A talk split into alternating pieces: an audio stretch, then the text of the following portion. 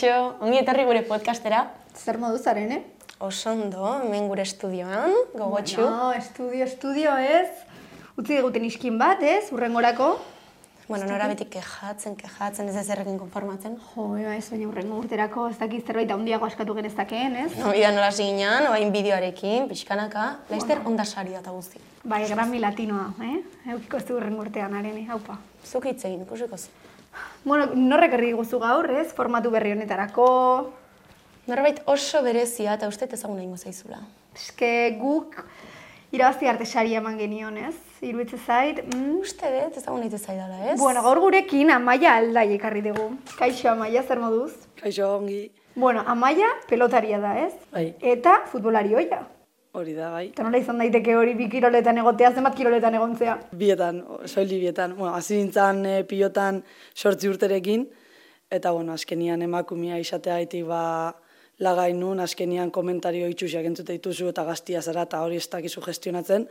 Da orduan, e, ba, bueno, e, aukera eman zeaten e, futbol talde batera sartzeko, eta, bueno, ba, kirolez aldatu nun, baina egia da beti lotura hori izan duta, la frontoiarekin, ez azkenian ere txiki baten bizi naiz frontoia bakarrik duena, eta azkenian pixkat beti lotura hori izan dute frontoiarekin eta eskupilotarekin. Jo, Jo, gu futbolean ondo. Bai. Nahiko ondo. Ja, pelotan. Manejatzen. Pelota? Hankarekin Pelota, gutxi gora bera manejatzen naiz, imaginatu eskuarekin. Uste itxaso nahiko ondo moldatzen dela, eh? Mm, bai, pelotakin ez, gutxi gora bera. Baina nola izan zen jaso zenitula komentario txarrak pelotan eta ez futbolian, ez? Askotan Mm. ere futbolian gu jasan ditugu komentario txarrak. Bai, baina azkenean pilotan ni bizkai guztian eh, neon emakume bakarra nintzen, nuen ume bakarra nintzen pelotan jokatzen, eta ez ziren zuzenak komentari zuzen, osea, niri zuzenki egiten zizkiatena, baina bai, agian igual, jo, ba, neskaten kontra jokatuko zu, zerrez, lasai, eta gero igual irabazi, eta jo, suerte izan da, eta holako komentarioak sortzi behatzi urteekin dut ez dela gozoa izaten ez. Eta, bueno, ba, ez dira erresa gestionatzeko, eta gero, ba, umeak ezberdinak gara, eta batzuei, ba, gehiago kostatzen zaio beste batzuei baino. Eta gero futbolean bai aurkitu zenun hor lagunen artean babes puntu bat. Bai, azkenan, e, bueno, ni emakume talde baten hasi nintzen, baina egia da, bueno, e, beste baino maila gehiago nuen, eta mutilen talde batera pasatu nintzen bi urtez jokatzera. Eta egia da, ba, bueno, mutil horiek, e, bueno, nire herrikoak zirenez eta ba, klasekoak, egia da, txikitatik e, onartu didatela futbolari bezala, eta egia da, ba, babes hori sentitu izan nuela futbolian. Jo, ba, ze ondo. Eta nabaritu zenun aldea adibidez neskenen talde batetik egotetik mutilen talde batera pasatzea? Bai, azkenean, e, bueno, nik mutilen taldean egonean e, aldagela bakarrik neon, e, partio horretik bakarrik, partio eta gero bakarrik, egia da gola sartzen bazenun, pixkat e, distantzia hori mantentzen zen, ez, e, ospatzeko garaian, eta egia da, ba, kosta egiten zidala, baina egia da, ba, bueno, mutiekin jokatzeak ere ba, gauza on batzuk ekarri zizkidala, eta bentsat, ba, bueno, alde horrekin geratzen az. Eta gaur egun esango zenuke adibidez ba pelota munduan emakume gehiago daudela, ja behin aldatu zehala helduz. Bai, bai, bai, nik uste dute hasi ginean hogei, hogeita bi pertsona, bueno, emakume jokatzen zuten pilotan, eta gaur egun laro hogeita hamar pertsonak emategu izena nik uste dut aurrera pauso handiak eman direla alderdi horretan. Jo. Eta emakumeek bakarrik lehiatzen dezute, ala mutilen aurka ere egiten Ez, eh, bueno, jaietako partiotan bai sortzen dela ba, jaialdi mistoak, emakume bat gizonezko batekin jokatzen, baina bai izaten dira jaietako partidak, ez pixkat, ba, espektakulo pixkat emateko, baina txapelketa ofizialak Espektakulo pixka. Herria muitzeko bilen. Baina txapelketa ofizialak emakumezko bakarrik jokatzeko, bai. Eta lauterdiko txapelduna izan zea bigarren aldiz, ez? Bai, hori da.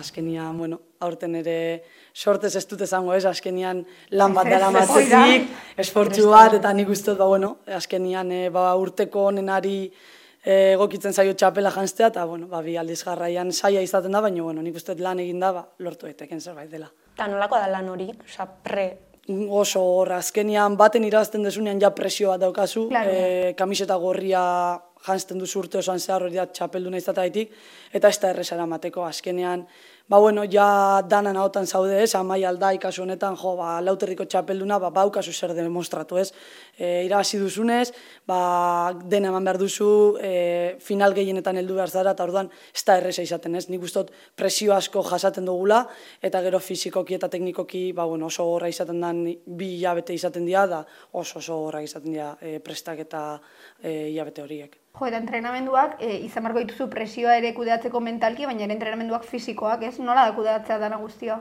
Bueno, ez da errez izaten, azkenan ez da entrenamendu akarri da, entrenamendua lana ikasketak guzteak hau. Osa, azkenian emakumean kiloreola ore, gaur egun, ba bueno, ez digu jaten emango momentuz, eta orduan ezin dituzu beste gauza guztiak utzi, orduan ez da erreza izaten ze igual, e, sei ordu zaudekelan, gero beste bi ordu lanean, eta gero joan entrenatzera.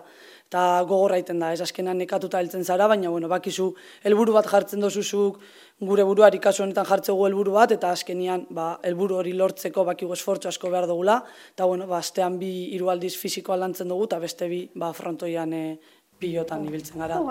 Eta zertan ibiltzen ze ikasketak edo lanak edo zure egun normal batean? Bueno, ni magisteritza ikesten nabil, hirugarren mailan eta bueno, azkenean hori goizetan e, astelentik ostegunera joaten az klasera. Gero areatzako pelota eskolako arduraduna naiz eta astean beste bi aldiz joaten naiz. Gero ume bat zaintzen dut, astean baten. Zenbat ordu ditu zure egun? Ja, uste Hogeita lau, Bai, bai. baina batzutan gehiago izango balitu hobeto. Eta gero futbol futbito entrenatzaile ere bana izo ostiraletan. Ostras. Gehi nire partiduak, gehi umian partiduak, orduan Azteko egun gehiago behar ditut nik e, Bai, guztia eramateko, baina bai ez da erresa izaten. E, Ingenuen elkarrezketa bat Clara Olazabalekin eta bera komentatzen zegun berarentzat ere garrantzitsua zela deskantzatzea. Bai. Zuk deskantzatu itezu edo. Gutxi, gutxi, ez? gutxi. E, ja gabaz, bakar, bueno, gabaz batzutan ikasi beharra akatze, ez egunean xar ez da ikasteko, ba, bueno, ba, deskantzatu dezakean apurra, segero lagunekin ere ateratzen guztan zezan, juergan ateratzea ere, eskenan gaztian naiz, ez da, orain Claro. espat deiten aber noiz ingo duan. Ja. Ja. Baina momentuz, aguantatzet horrela. Jo, Ez eh. da zenbat denpora, baina momentuz bai. Bueno, alba da. Bai, bai, bai. Uixe, bai, bai, guko leiten dugu ere, atera Bai, bizko bat bai, bai. entrenatuta ikasi, baina, klaro, beste nivel batean azkenean.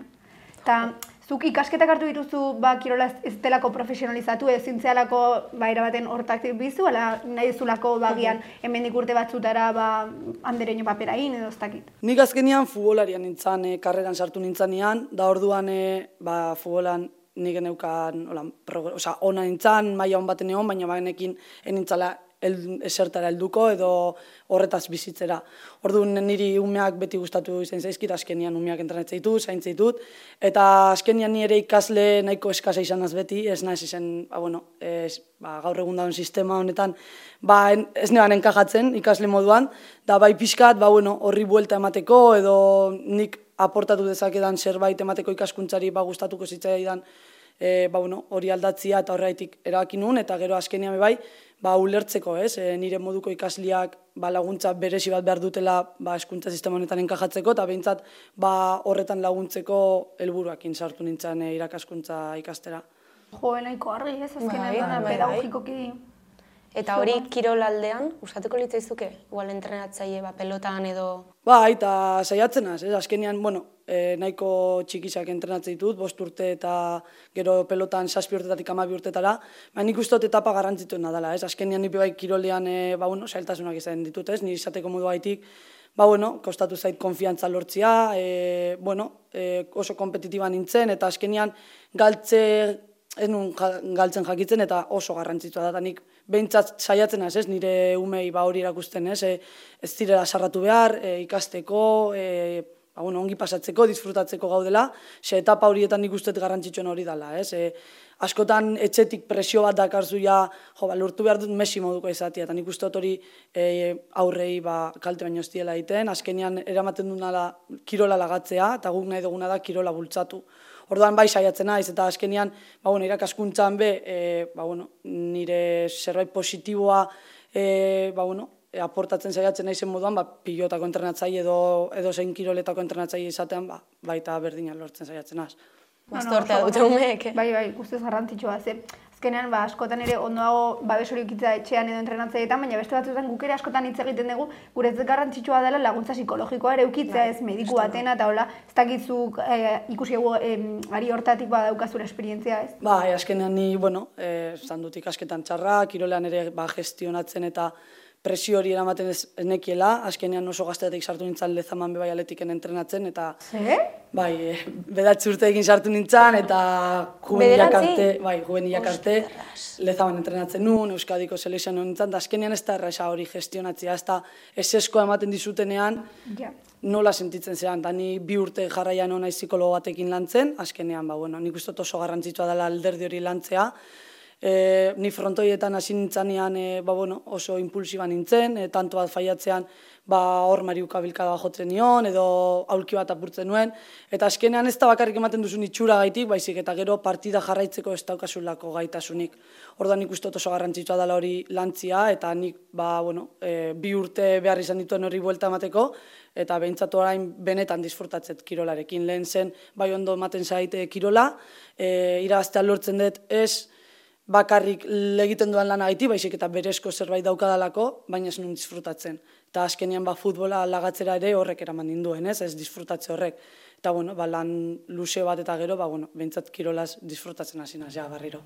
bai, bai, bai. Eta giroa, osasuntxuagoa da pilota munduan, futbolan baino, edo ze desberdintasun ikuste dituzu edo zure mm bizipenetik? Bai, nik uste bai, ez, azkenian pilotan bakarkako kirol bat da, naiz eta batzutan binaka jokatu, e, lortzen dozuna edo galtzen dozuna zure esku bakarrik dau, egia da, bueno, batzutan bizarete, baino ez du asko inporta besteak gaizki egiten baduzuk konpensatu dezakezu, baina maika zaretenean e, futbol zelaian, gauzak ongi doazenean, giroa ederra izaten da, baina, klaro, nik bizi izan dut e, bigarren mailara igotzia eta destensoan egotia eta esan erresa izaten, ez? Azkenian, e, ba, bueno, bestuarioan gauzak gaizki, e, gure artean liskarrak, zelai barruan ja, ba, bueno, txilizioka ibiltzen ginen bat bestiari, eta azkenian, ez bakarrik hori baizik, eta gerradetatik jasotzen dozuna gurasoekiko, edo arbitroari, ez da oso sano izaten da pilotan ikustet, naiz eta igual ni pilota parte bat ikusten joan, igual agian nire gogoko nez kurdia izango da kasu honetan,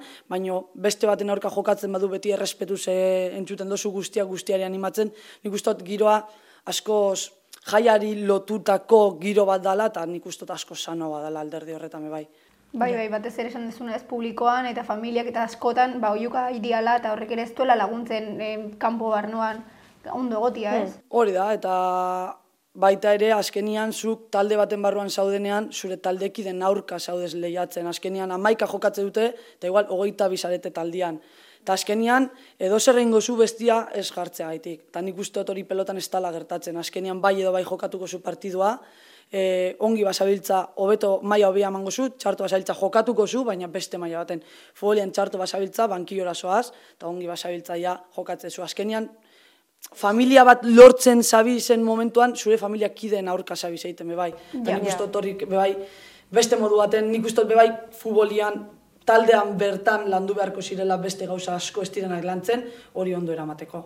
Bai, bai, guztiz, oza, kanpoan gaizki zaudenean ikuste zelaian gaizki zaudela guri pasatzen. Bai. Gu kanpoan gaizki denean, gero zelaian etzeala ondo eramaten, ze oiuak esaten dezuna gauzak ikusten bai. dira afektatzen du, bai, igual bati pasa beste aiez. Hori, azkenean, kanpoan gainera gertatzen zaizkizun gauzak beste pertsona batekin askotan ere zelaira eramaten duzu, ez dakigu desberdintzen, desberdintzen edo aldentzen, eta, ba, bueno, nik ustot, ba, hori landu beharreko zerbait izango zala, azkenan behar gero konfiantzan igartzen da, talde batek ez pauka konfiantzarik, ez du aurrera ingo, azkenean danak bat zarete eta danak batera ez basoazte ez da, ez da eser lortzen. Bai, bai, guztiz. Eta zuk entrenatzaile moduan ikusten duzu zure papera ere garrantzitsua dara familia horrek aurrera iteko? Bai, noski, azkenean ikustu garrantzitsua nala, ez? Azken, askotan, ez dute, bai, entrenatzaile ez da garrantzitsua, ze zuk ez dituzu partiak irabazten. Jaino, zuk talde horren el, ba, lotura edo horren e, indarra, bai, sustatu behar duzu. Azkenean, arason bat ikusten duzunan, segi, segi zen e, moztu. azkenean, e, nik bizi izan dut, ez? Beste pertsona biren arteko e, liskarrak momentu oro, eta entrenatzaileak, pues, bueno, ez nahi sartzen, baina azkenian, e, bale, hortik kanpoko arazo bat badan, baina ja, e, afektatzen, badu zelaian nik ustot sartu beharreko asuntoa dela. Eta nik ustot oso garrantzitua dela, ez? E, gauza konpontzia bintzat taldean eta futbol zelaian ikusteko. Ez guk justo aurten entrenatzaile berria daukagu eta da super, super gogorra. Zuk zen nahi zure kasuan, entrenatzailea zurea gogorra izatea, la Bigunia ba. a ber, orain gogorra esango nuke, baino leno eh, presio hori eta nik bajo presión, ese bez, oza, tolerantzia las frustración zero izaten nuen, eta ba, bigunia azkenean, ere, entrenatzaio batek ikasin behar du, ez nori esan aldion gauzak modu baten, eta nori beste baten, nik agian nik dauzkat amabi ume, eta amabi ezin diet berdin tratatu. Yeah. Osa, nik garrantzitsua da entrenatzaile batek, jakitea noren aurrean da hon, eta nola itzein behar dion ume bakoitzari, edo jokalari bakoitzari kasu honetan. Mm -hmm. Zer bestela? Justizador. Blokeoak. Jarriko dugu gure lehenengo podcasteko bestia. Bai, Ziruditz zaizu. jarriko dugu zatoz. Bano, venga, bai, jarriko ez, jarriko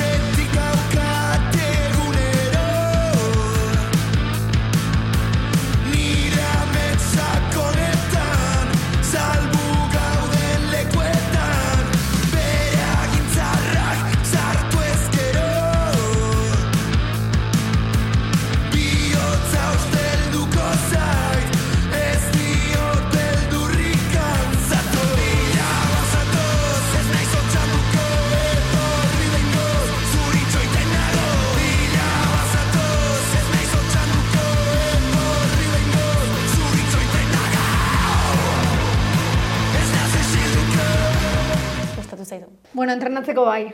Hemen lasai egoteko bulegoan. Eh? Zuk esaten duzu moduan, estudio honetan.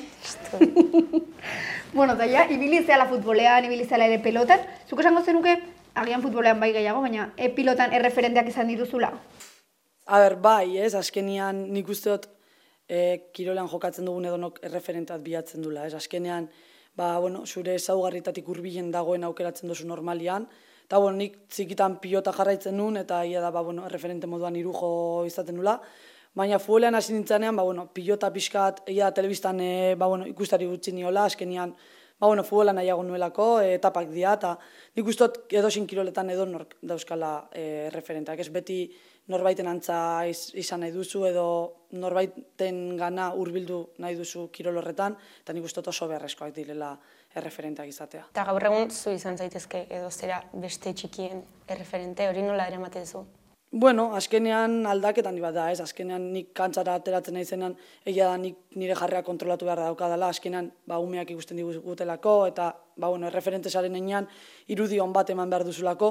Ba, nik uste dut oso ondo eraman dugula, azkenean gure helburua lortu dugu, zala emakumeen pilota, emakumea izataitik e, laga ez behar izatea, eta nik uste dut, bueno, guk beste ibilbidea zabaltzeko gaudela hemen, badakigu ez garela horretatik biziko, baina inoiz ez dugu izan hori helburu moduan, baizik eta bueno, atzetik datozenari bide errezagoa egitea, e, bueno, badaudela emakumiak pilotan jokatzen dutena, badaudela txapailketak, eta nik uste dut, ondo eraman dugula, ba genekielako hori zela gure helburu hasiera batetik. Egia da, lau urte bakarritan amagatzagula pilota munduan, eta nik uste dut, e, pausu, bueno, ez dut esango handiak, baino bai sendoak eman dirala, eta nik uste apurka-apurka ere pausu gehiago ematen ari garela, eta nik uste bide honetatiko bazela bebai emakumeen pilotak. Agian hasieran ez zala helburu bat, baina oain agian hemendik aurrera izan daitekeela helburu bat, ez hemendik urte batutara ba, profesionalizatzea eta emakumeek ere ba, hortatik bizitzea. Bai, epe luzera bai da helburu bat, baino nik ez dut uste hori biziko dudanik, azkenian, ena izango berrogeita marrute arte jokatzen ez, baino bai horretan laguntze eta prozesu horretan laguntzeko e, ba, bueno, bidea egiten gabiltza, helburua beti hori izango da, baino epe laburrera ere beste helburu batzuk jartzen ditugu, Noski. eta ni nire kasuan nire lana, ba, bueno, beste bidea errazte izango litzake. Eta orain daukazun helburu bat, edo bete ez dezuna mets bat, edo zerbait daukazuna hor. Bueno, pilota mintzat binakako txapelketi erabaztia, askenian, ba, bueno, e, gure zirkuitoan edo emakume mastercap dela gure txapelketa ofiziala, geratzen zaidan txapelketa bakarra da irazteko, eta orduan, ba, Hola, txek, bueno, bintzat, e, bueno, bi final jokatu nituen, galdu nituen, eta arantza hori ateratzeko bintzat, ba, hori izango litzake nire helburua. Eta beti bikote berdinarekin entrenatzen duzu horretako? Ez, ez, e, guk e, urtean zehar bikotez berdinekin jokatzen dugu. Guk guztio guztiokin entrenatzen dugu, hori dauka pilotako naiz, azkenian Bai. egun baten batekin jokatzen zu, eta hurrengo egunean hori zure aurkaria da beste batekin jokatzen zu, orduan horrek bai sustatzen dugu, ez, danan artian e, erlazio Ja. neukitia. Claro, egia da. Giroa eta dena, klaro. E, aurkari ez zeate, baino noizbait elkarrekin jokatzea ere tokatuko zaizu. Orduen, Claro. ba, bueno, guztio guztiekin entrenatzen dugu, bakoitzak gure kluba daukagu, baino egia da, ba, bueno, entrenamentu bateratuak eh, jarri dizkigutela, eta azkenean ez daukagu pertsona batekin entrenatu beharra bakarrik. Eta horrek gero albidetzen du pixka bat jakitea nola jolasten duen besteak ere ez aurkariak. Bai, azkenean ba, asko ezagutzen gara, bai beti elkarren aurka jokatzen duguna berdinak gara, badakizu noren aurka jokatu behar dezun modu baten, eta bestearen noren, ba, bueno, bere indarguneak eta olguneak dakizkigu orduan, ba, erresago, ba, alde batetik erresagoa da, baina beraiek ere nire, claro, Ja, nirea ere badakite, orduan, ba, bueno, zailtasunak ere baditu horrek. Gero festak ere denon artean iten dituzue, ala... Bai, askotan bai, sarri geratzen gara, eh? Bai, ba, eh? Agian igual jokatzen dugu San Fermin torneoa, ba, Iruñako San Ferminetan Ah, ateratzen claro, eske. Donostin, eta bai, bai, bai. Elkarrekin juergan ere ateratzen gara, bai. Zan behar nun nora eta bere festak, baina... Eitu barko dugu, lastarreko, eh? Ere Bai. egiteko danok festa bat. Ikusiko zu, ze ondo pasako dugu. Entrenatzaile ere bai, ez? bueno, ba, badaukagu galdera berezi bat, Bai. gaurko podcastean. Normalean taldekide batek egiten digu, baina gaur pertsona berezi batek egingo digu. Haren eren aizpak egingo digu bere galdera. Taldekideen galdera. Kaixo Maia Lili naiz. Galdera bati nahi dizut. Zu txikia zinenean zer izan nahi zenun handitan? Maja. Ja. E, a, txikian nintzenean nire bizitza ikusteko modua oso ezberdina zan, ze azkenean nire amara izaten nion, ba, nik deskapotable bat erosiko ez, eta aberatza izango naiz, baino eneukan nola beste zer pentsauta, baina gero ja bai, pixkat nagusia bat nintzenean, betian nik irakasle izate argi euki dut, osea, azkenean, ba, bueno, esan dalako, nik uste hainbeste sufritu dela eskuntza sistemarekin, ba, argi neukala txikitatik horretan lan egin nahi nula, eta azkenean, ba, bueno, horren prozesuan nago oraintze. Eskapotablean ere ez da Bai, bai, baina... Ez, ez dut, ez dut baztertzen, eh? Ez, ez. Agian bizitzeko modu hona izan daiteke ez eskapotable bat. Ez erreixa, baina, bueno. Bueno, ba, nik jarriko dut orain abestia. Ondi bitzaizu. Vale. A ber, ze jarriko duzu? Ja bulegoan gaudela eta ez estudioan, ba, bulegoren abesti bat jarriko dut. Oso, ondo, Gertu bera. gaudenean. Ja, gustatzen zaizu.